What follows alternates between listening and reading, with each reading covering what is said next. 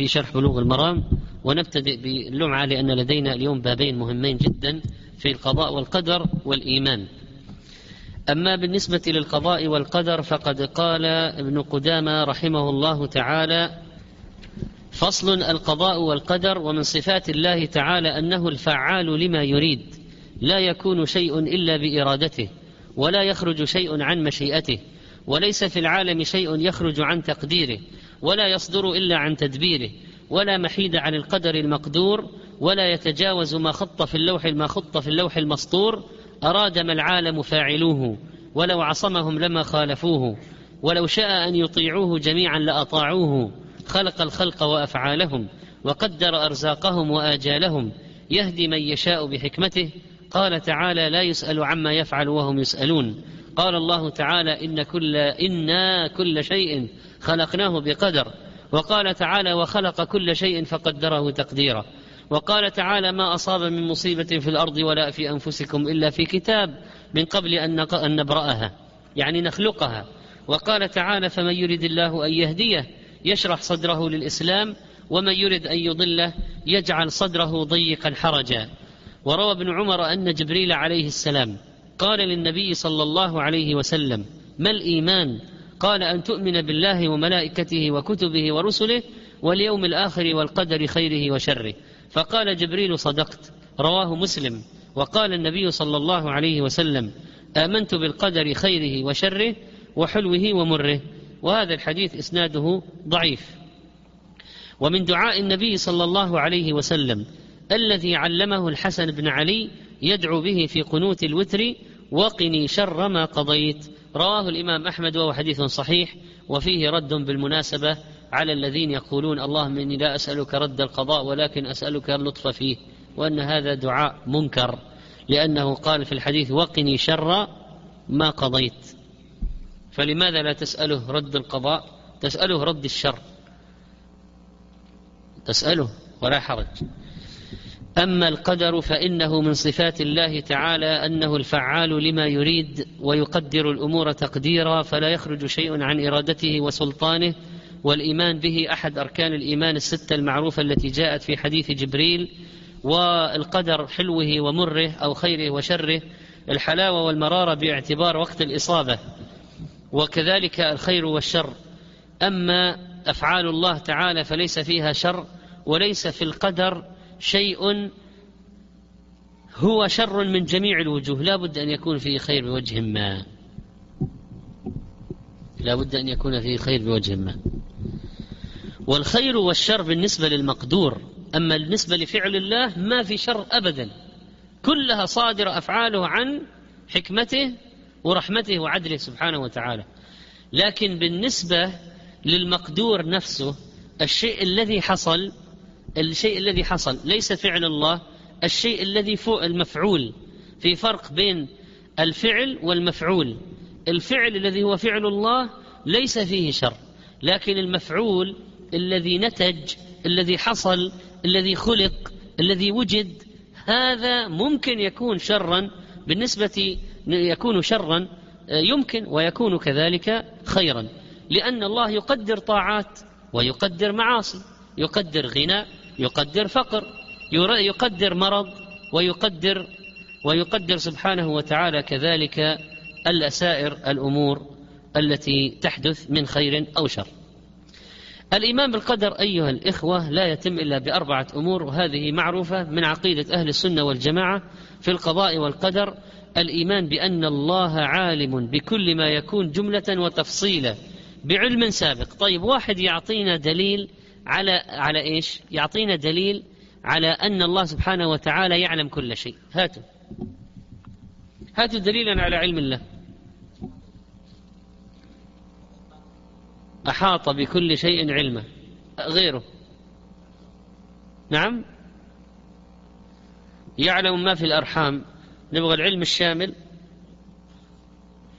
إن تبدوا ما في صدوركم يعلمه يعلمه الله إنه عليم بذات الصدور.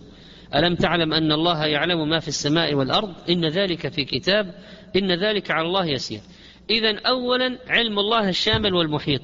لو قال واحد أنا أريد أن يكون اعتقادي بالقضاء والقدر سليم.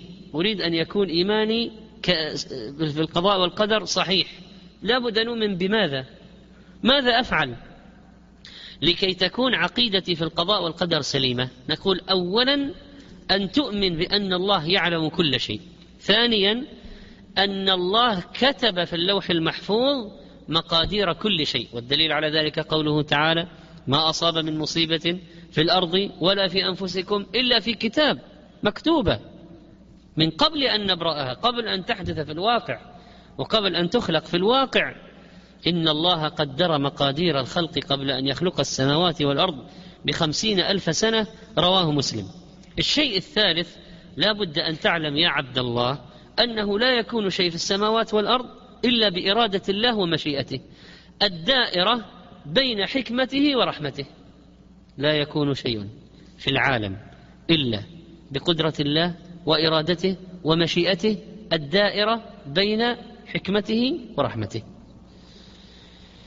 لا يسأل عما يفعل وهم يسألون. إن كل شيء خلقناه بقدر.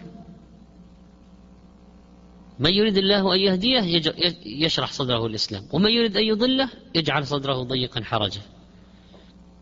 فأثبت وقوع الهداية والضلالة بإرادته سبحانه. ورابعا لا بد أن تعلم يا أخي أن كل شيء في السماوات والأرض مخلوق لله تعالى. لا خالق غير ولا رب سوى إذا أفعال العباد مخلوقة.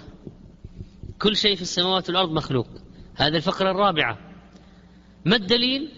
وخلق كل شيء فقدره تقديرا. ما الدليل على خلق أفعال العباد؟ والله خلقكم وما تعملون. شبكة الإنترنت مخلوقة؟ مخلوقة لله عز وجل. صواريخ النال لهؤلاء مخلوقة لله. هو الذي خلق كل صانع وصنعته سبحانه وتعالى. ولا نجعل كلام الآن كلام المصنف المؤلف رحمه الله. ولا نجعل قضاء الله وقدر ولا نجعل قضاء الله وقدره حجة لنا في ترك أوامره واجتناب نواهيه.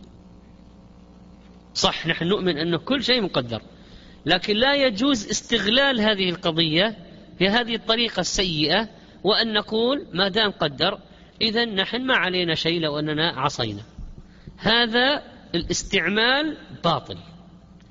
يأتي واحد يستعمل هذه العقيدة استعمالا سيئا يريد أن يحمي نفسه من اللوم والإثم والمؤاخذة بقضية أن كل شيء مقدر ومكتوب. هذا الاستعمال باطل. ولا نجعل قضاء الله وقدره حجة لنا في ترك أوامره واجتناب نواهيه بل يجب أن نؤمن ونعلم أن لله علينا الحجة. ما هو نحن لنا حجة على الله؟ لا. الله له حجة علينا.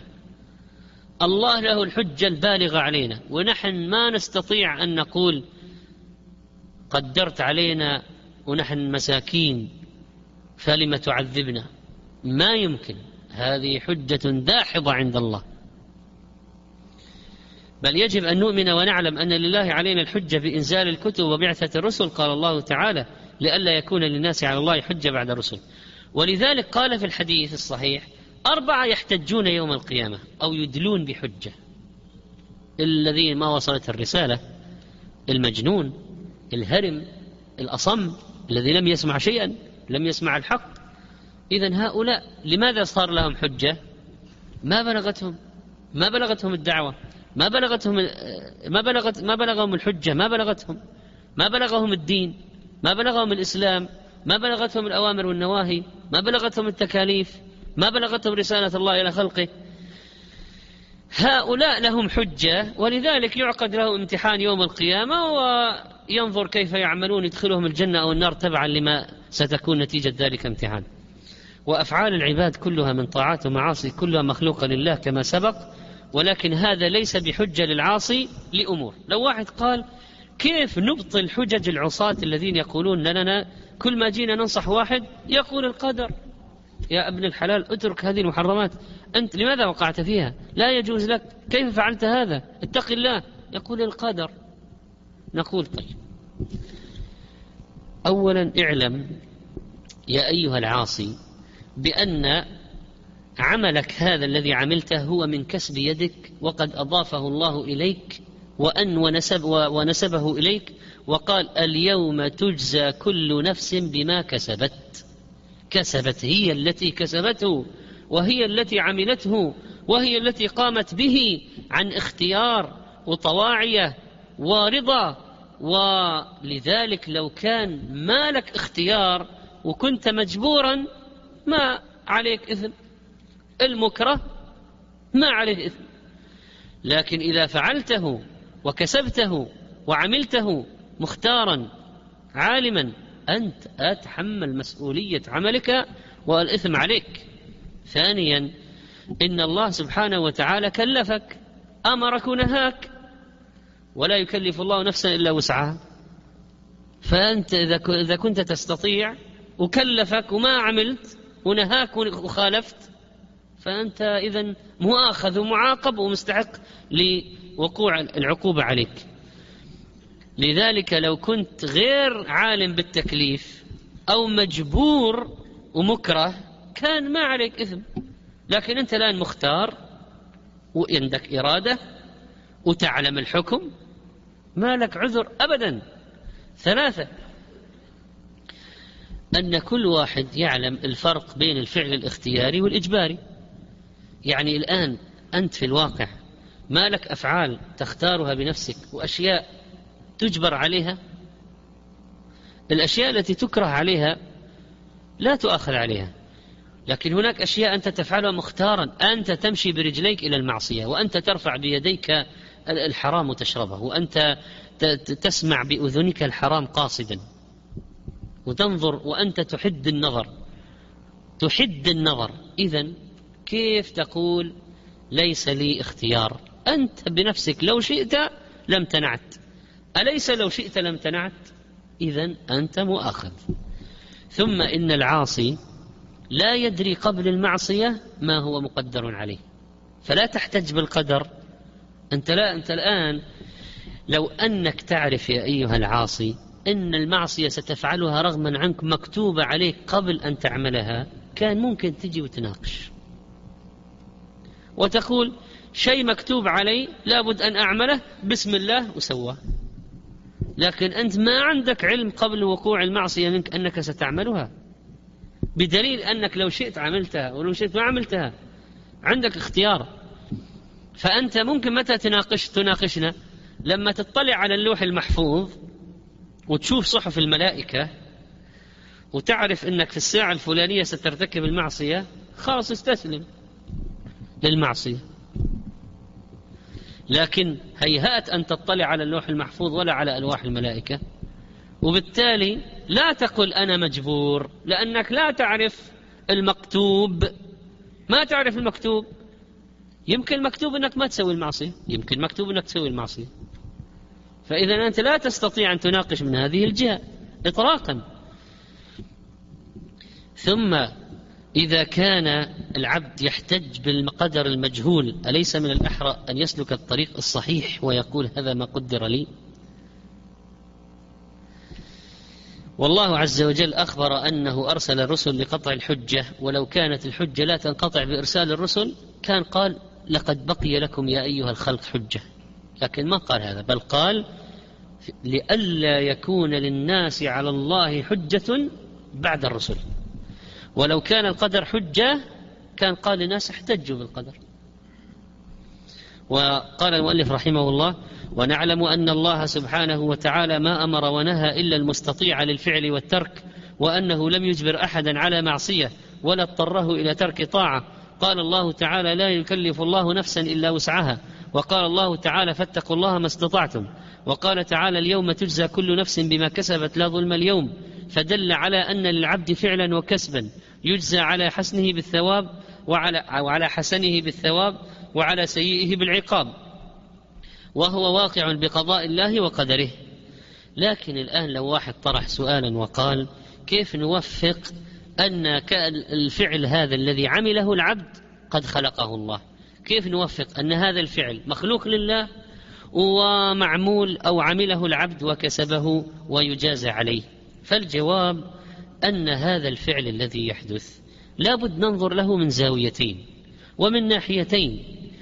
فمن جهة فعل العبد فإنه قد حصل اختيارا منه ولو كان اضطرارا كان ما أخذوا عليه. ومن كسب العبد ومن إرادة قلبية وقدرة بدنية. لو أنها فقدت ما كان حوسب ولا جوزي على ذلك. أما من جهة الله سبحانه وتعالى فإن هذه الأعمال التي عملها العباد قد خلقها الله وقدرها سبحانه وتعالى وشاءها فهي من جهة الله مخلوقة لله من جهة العبد من كسب العبد وفعل العبد واختيار العبد عن طواعيه فإذا إذا أضفناها إلى الله فهي إضافة من باب إضافة المخلوق إلى الخالق. وإذا أضفناها إلى العبد فهي إضافة الكسب والعمل والفعل من العبد هذا هو الذي حصلها وكسبها. فتنسب إلى العبد كسبا وتحصيلا وتنسب إلى الله خلقا وتقديرا. هذه الخلاصة. فاحفظها. لئلا تشكل عليك. هذه الأعمال التي يعملها العباد. تنسب إلى العبد كسبا وتحصيلا وتنسب إلى الله خلقا وتقديرا. خالف أهل السنة والجماعة في مسألة القضاء والقدر طائفتان الطائفة الأولى الجبرية يقولون العبد مجبور على فعله وليس له اختيار كالساقط من أعلى إلى أسفل وكالريشة في مهب الريح. وهذا الذي قال بيت الشعر جبري انتبه لا تستدل بالبيت. ترى اللي قال هذا الفعل جبري إنسان ضال فاجر. ألقاه في اليم مكتوفا وقال له إياك إياك أن تبتل بالماء. هذا جبري الذي قال إنسان منحرف. ومر واحد منهم على واحد سارق قطعت يده فقال نظر إليه قال مظلوم. كتب عليه السرقة ثم قطع يده عليها. شوف اتهام الله عند هؤلاء الظلمة الفجرة الكفرة. اتهام الله بالظلم. يتهمون الله بالظلم. أليس السارق سرق عن طواعية أليس سرق عن اختيار؟ في أحد جبره على السرقة؟ هو الذي فعله؟ هو الذي خطط للسرقة؟ هو الذي كسر القفل؟ والذي اقتحم البيت؟ هو الذي بحث عن الأموال وكسر الخزنة وأستخرج المال وصره؟ وهرب به كل هذا الأشياء التي عملها والتخطيط والتنفيذ عن سبق الإصرار والترصد. هذا كله يقال مجبور عليه. هذا لا يقبله عقل. ولذلك يرد على القدرية يقال لهم الله أضاف العمل للإنسان وجعله كسبا له فأنتم تريدون نزع النسبة؟ الله أثبتها للعبد أنتم تريدون عدم إثباتها للعبد ثانيا أن أي واحد عاقل يعرف الفعل بين الاختياري والاضطراري وأي إنسان ممكن يتعرض لشيء اضطراري وشيء اختياري. فالواحد يعرف هذا من نفسه وحاله. الطائفة الثانية الذين ضلوا في القدر القدرية يقولون العبد مستقل بعمله ليس لله فيه إرادة ولا قدرة ولا خلق. لماذا؟ قالوا إذا قلنا أن الله قدره نسبنا الشر إلى الله. نريد أن ننزه الله. طيب من الذي خلقه إذن؟ ما هو كل شيء معمول العالم مخلوق. قالوا العبد يخلق فعل نفسه. سبحان الله. إذا جعلتم الآن آلهة في العالم بعدد الأفعال بعدد الأشخاص. أي واحد يخلق فعله إذا هو خالق وهذا خلق فعله خالق والثاني ثالث خالق صار عندنا ألف وألفين ومليون ومليونين خالق وهكذا. ما هذا؟ إذا الله خالق كل شيء والله خلقكم وما تعملون. فلا يمكن أن تقول إن الله ما خلق الأفعال بل هو خلقها سبحانه وتعالى. وسيقول طيب كيف الله يخلق شر؟ فسر لي نقول إرادة الله على نوعين إرادة كونية وإرادة شرعية. الإرادة الشرعية والله يريد أن يتوب عليكم الإرادة الشرعية هذه بمعنى المحبة ما يمكن الله يريد شيء شرعي إلا وهو يحبه. وأمر به الناس ثم الناس قد يطيعون وقد لا يطيعون. الإرادة الكونية لا يمكن تتخلف إذا أراد الله أن يكون كن فيكون. أن يكون شيء يقول له كن فيكون. فمن يريد الله أن يهديه يشرح صدره الإسلام. ومن يريد أن يضله يجعل صدره ضيقا حرجا إذا نقول لا تخلط بين الأمرين. وبالتالي فإن الله سبحانه وتعالى خلق الخير وخلق الشر لحكمة سبحانه حتى خلق الشيطان لحكمة حتى خلق الحيات والعقارب لحكمة حتى هذا الذي قال للملك سأل واحد قال لماذا خلق الله الذباب؟ كأنه يعني يريد أن يحرج العالم. أنه يعني إيش قال ليذل به الملوك. هذا بالنسبة لقضية عقيدة القضاء والقدر. ولا ننسى يا أخوان أن هذه العقيدة لما آمن بها المسلمون على وجهها كانوا قمة في العالم. فتحوا العالم ملكوا سادوا صاروا هم الذين يقودون. بما لماذا؟ لأنهم علموا أن الأسباب ما تتعارض مع القضاء والقدر وأن الله يلوم على العجز وأن الرسول صلى الله عليه وسلم آه، قال لا تقل لو أني فعلت كذا لكان كذا ولكن قدر الله ما شاء فعل واستعن بالله ولا تعجز فأخذوا بالأسباب واستعانوا بالله والقدر جعلهم يتوكلون على الله والأشياء التي لا يقدرون عليها وكلوها إلى الله فنجحوا. الأشياء المقدور عليها عملوها عملوا أسباب في الدعوة والجهاد ووكلوا الأمر إلى اتكلوا على الله وعملوا بالأسباب فنصرهم الله تعالى. لأنهم فعلوا ما يحبه وما يريده. أراد منهم يأخذوا بالأسباب أخذوا. وأعدوا لهم ما استطعتم من العدة أعدوا. وتوكل على الله توكلوا على الله. فكفاهم أعداءهم نصرهم عليهم. فنجحوا سادوا. والآن الناس ما بين عاجز ومتمرد. عاجز يقول ما عندي ما أفعل. هم هو متواكل ويقول أنا متوكل على الله. أين الأسباب؟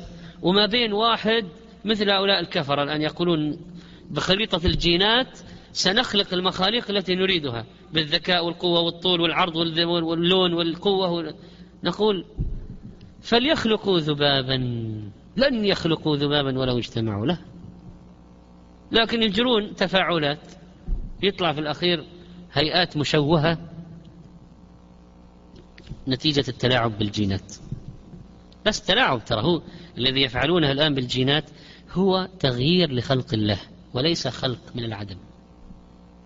الذي يفعلونه الآن هو من باب طاعة الشيطان ولا أمرنهم فلا يغيرون خلق الله. فيتلاعبون بالجينات ويريدون جعل إيش؟ استنساخ. هذا بس يعني تغيير خلق الله تلاعب بالجينات. وأما أن يخلق من العدم ما يمكن يخلق من العدم. فليخلقوا ذبابا لن يخلقوا ذبابا ولو اجتمعوا له. ونحن ما نخوض في القضاء والقدر إلا بعلم ولا نخوض إلا للحاجة. ولذلك العلماء لما رد متى تكلم العلماء القضاء والقدر بالتوسع؟ لما طلعت القدرية والجبرية تكلموا عليهم وهذا كتاب القيم رحمه الله كتاب العظيم شفاء العليل في مسائل القضاء والقدر والحكمة والتعليل. والإنسان إذا آمن بالقضاء والقدر حقا فإنه كما قلنا سينجح في حياته لأنه سيأخذ بالأسباب ويتوكل على الله ولا يجعل القدر شماعة يعلق عليها أخطاءه. لا يراجع نفسه ويصحح أخطاءه. وليس أن كل ما روجع في شيء قال خلاص الآن مقدر لا أحد يفتح لنا الموضوع. ليه يا أخي؟ إذا في مجال للتصحيح صحح وعدل. متى الإنسان يعني يقول هذا؟ يقوله عندما لا يكون بيده حيلة. ولذلك لما احتج آدم موسى إيش قال آدم؟ بعد انتهى خلاص انتهى كل شيء. لأن التقى بعد التقوا بعد موت آدم. فهنا احتج آدم بالقدر. واحتج على المصيبة لا على المعصية. والإيمان بالقضاء والقدر يجعل الإنسان يتواضع لله. أن كل ما يفعله هو من قضاء. فلو واحد نجح يقول والله أنا ما هو يقول بجهدي وكدي وذكائي و... ونقول وبتوفيق الله وقدرة الله وقدر الله. فيتواضع إذا علم هذه الحقيقة. قال رحمه الله تعالى فصل الإيمان قول وعمل. والإيمان قول باللسان وعمل بالأركان وعقد الجنان يزيد بالطاعة وينقص بالعصيان. قال الله تعالى وما أمروا إلا ليعبدوا الله مخلصين له الدين حنفاء ويقيموا الصلاة ويؤتوا الزكاة وذلك دين القيمة. فجعل عبادة الله تعالى وإخلاص القلب وإقام الصلاة وإيتاء الزكاة كله من الدين. وقال رسول الله صلى الله عليه وسلم الإيمان بضع وسبعون شعبة أعلاها شهادة أن لا إله إلا الله وأدناها إماطة الأذى عن الطريق. فجعل القول والعمل من الإيمان وقال تعالى فزادتهم إيمانا. وقال ليزدادوا إيمانا. وقال رسول الله صلى الله عليه وسلم يخرج من النار من قال لا إله إلا الله وفي قلبه مثقال برة أو خردلة أو ذرة من الإيمان. فجعله متفاضلا الذرة غير البرة غير الخردلة متفاضلا. أما الإيمان لغة أيها الإخوة فإنه التصديق واصطلاحا قول باللسان وعمل بالأركان وعقد بالجنان وهو القلب كما هو معلوم يزيد بالطاعة وينقص بالعصيان. ومثال القول الذي القول الذي باللسان لا إله إلا الله. مثال العمل الذي بالأركان وهي الأعضاء. الصلاة رمي الجمرات. مثال العقد بالجنان الإيمان بالله والملائكة هذا في القلب. والإيمان بالله والملائكة الاعتقاد بوجود الملائكة الاعتقاد بوجود الجنة والنار وأنهما مخلوقتان الاعتقاد بالحوض والصراط وهكذا. والدليل على أن هذا هو الإيمان قول الله تعالى وما أمروا إلا ليعبدوا الله مخلصين له الدين حنفاء ويقيموا الصلاة ويؤتوا الزكاة وذلك دين القيمة فجعل الإخلاص والزكاة والصلاة من الدين. وذلك دين القيمه وقال النبي صلى الله عليه وسلم الإيمان بضع وسبعون شعبة. أعلاها لا إله إلا الله. أدناها إماطة الأذى عن الطريق. فأعلاها شهادة أن لا إله إلا الله وأفضلها قول لا إله إلا الله. والزيادة الإيمان والنقص هذا أي واحد يشعر به أي واحد عاقل أي واحد عاقل مسلم يحس في بعض الأحيان أنه إيمانه زاد إذا جلس مجلس موعظة. ويحس أنه إيمانه نقص إذا مر في السوق. يعني الآن تريد واحد أنه يكون في مجلس الوعظ مثل إذا مر في الأسواق هذه؟ فهذا شيء يحسه الإنسان من نفسه حتى بدون أدلة يحسه من النفس بالفطرة أن الإيمان يزيد وينقص ويرتفع ويهبط. فكيف وقد جاءت الأدلة بأنه يزيد وينقص؟ كقوله تعالى فزادهم إيمانا وحديث البر والخردل كما تقدم. قال رحمه الله فصل الإيمان بكل ما أخبر به الرسول صلى الله عليه وسلم. ويجب الإيمان بكل ما أخبر به النبي صلى الله عليه وسلم وصح به النقل عنه فيما شاهدناه أو غاب عنا. فيما شاهدناه أو غاب عنا. هذا عالم الغيب وعالم الشهادة.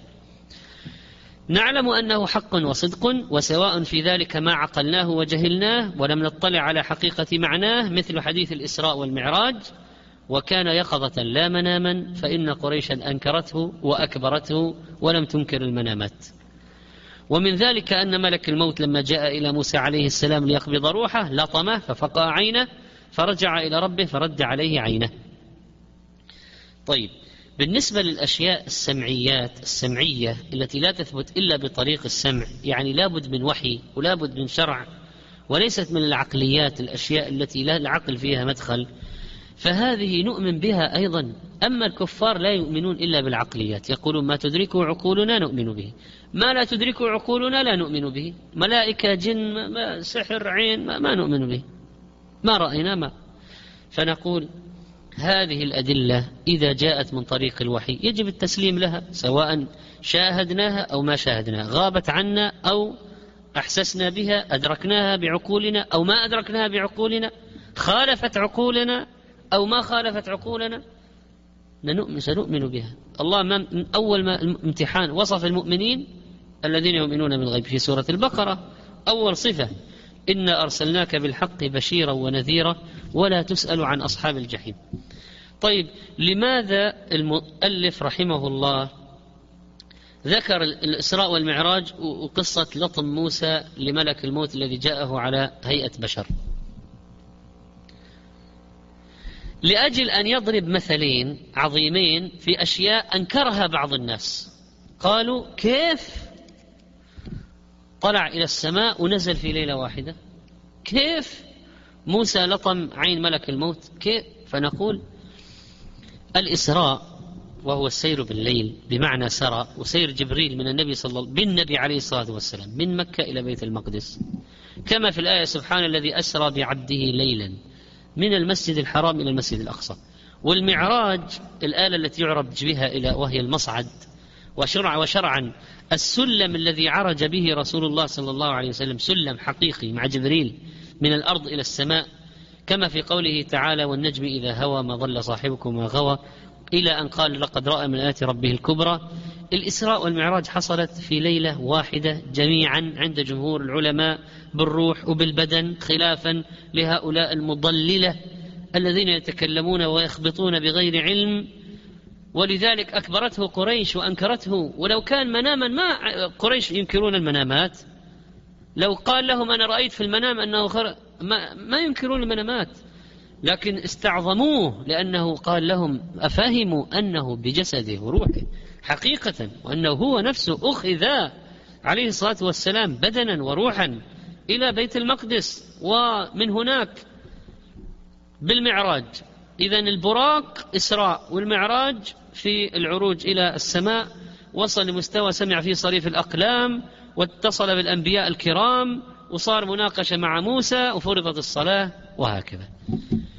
وموقفنا هو موقف أبي بكر الصديق. إن كان قال فقد صدق. ما دام ثبت الحديث يجب التصديق به.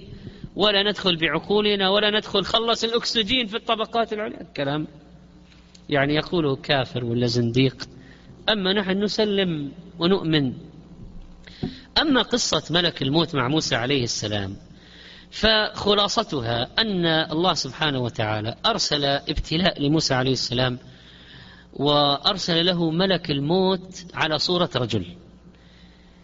موسى ما عرفه فقال له أنا من عند الله. فموسى رأى أمامه رجلا يقول أنا من عند الله وسط البيت عند حريمه. فلم يتمالك نفسه وهو صاحب القوة والبأس. موسى فلطمه ففقع عينه. فرجع الملك إلى ربه يقول أرسلتني إلى عبد لا يريد الموت. فرد الله عليه عينه وقال ارجع إليه وقل له يضع يده على متن ثور. انظر إلى مكانة موسى عند ربه وإلى حب الله لموسى. يضع يده على متن ثور فله بما غطى يده بكل شعرة سنة. فرجع وقال له هذا فعرف موسى أن هذا ملك الموت. فقال موسى ثم ماذا؟ بعد كل شعرة بسنة قال ثم الموت. قال فالآن. ما دام أت سيأتي سيأتي. واشتاق موسى إلى ربه وما عنده من الأجر والمكان العظيم والفضل عند الله. فقال الآن. فسأل الله أن يدنيه من الأرض المقدسة رمية بحجر. قال النبي صلى الله عليه وسلم فلو كنت ثم لرأيتكم قبره لأريتكم قبره من الأرض المقدسة رمية بحجر عند إلى جانب الطريق عند الكثيب الأحمر. فلو كنت ثم لأريتكم لأريتكم قبره إلى جانب الطريق عند الكثيب الأحمر. المبتدعة جاءوا قالوا لا يمكن وهذا حديث منكر ولا نقبل به. طيب الحديث صحيح. طيب في البخاري قالوا ولو ماذا تنكرون؟ قالوا هذا خبر شنيع ولا يمكن. طيب لماذا؟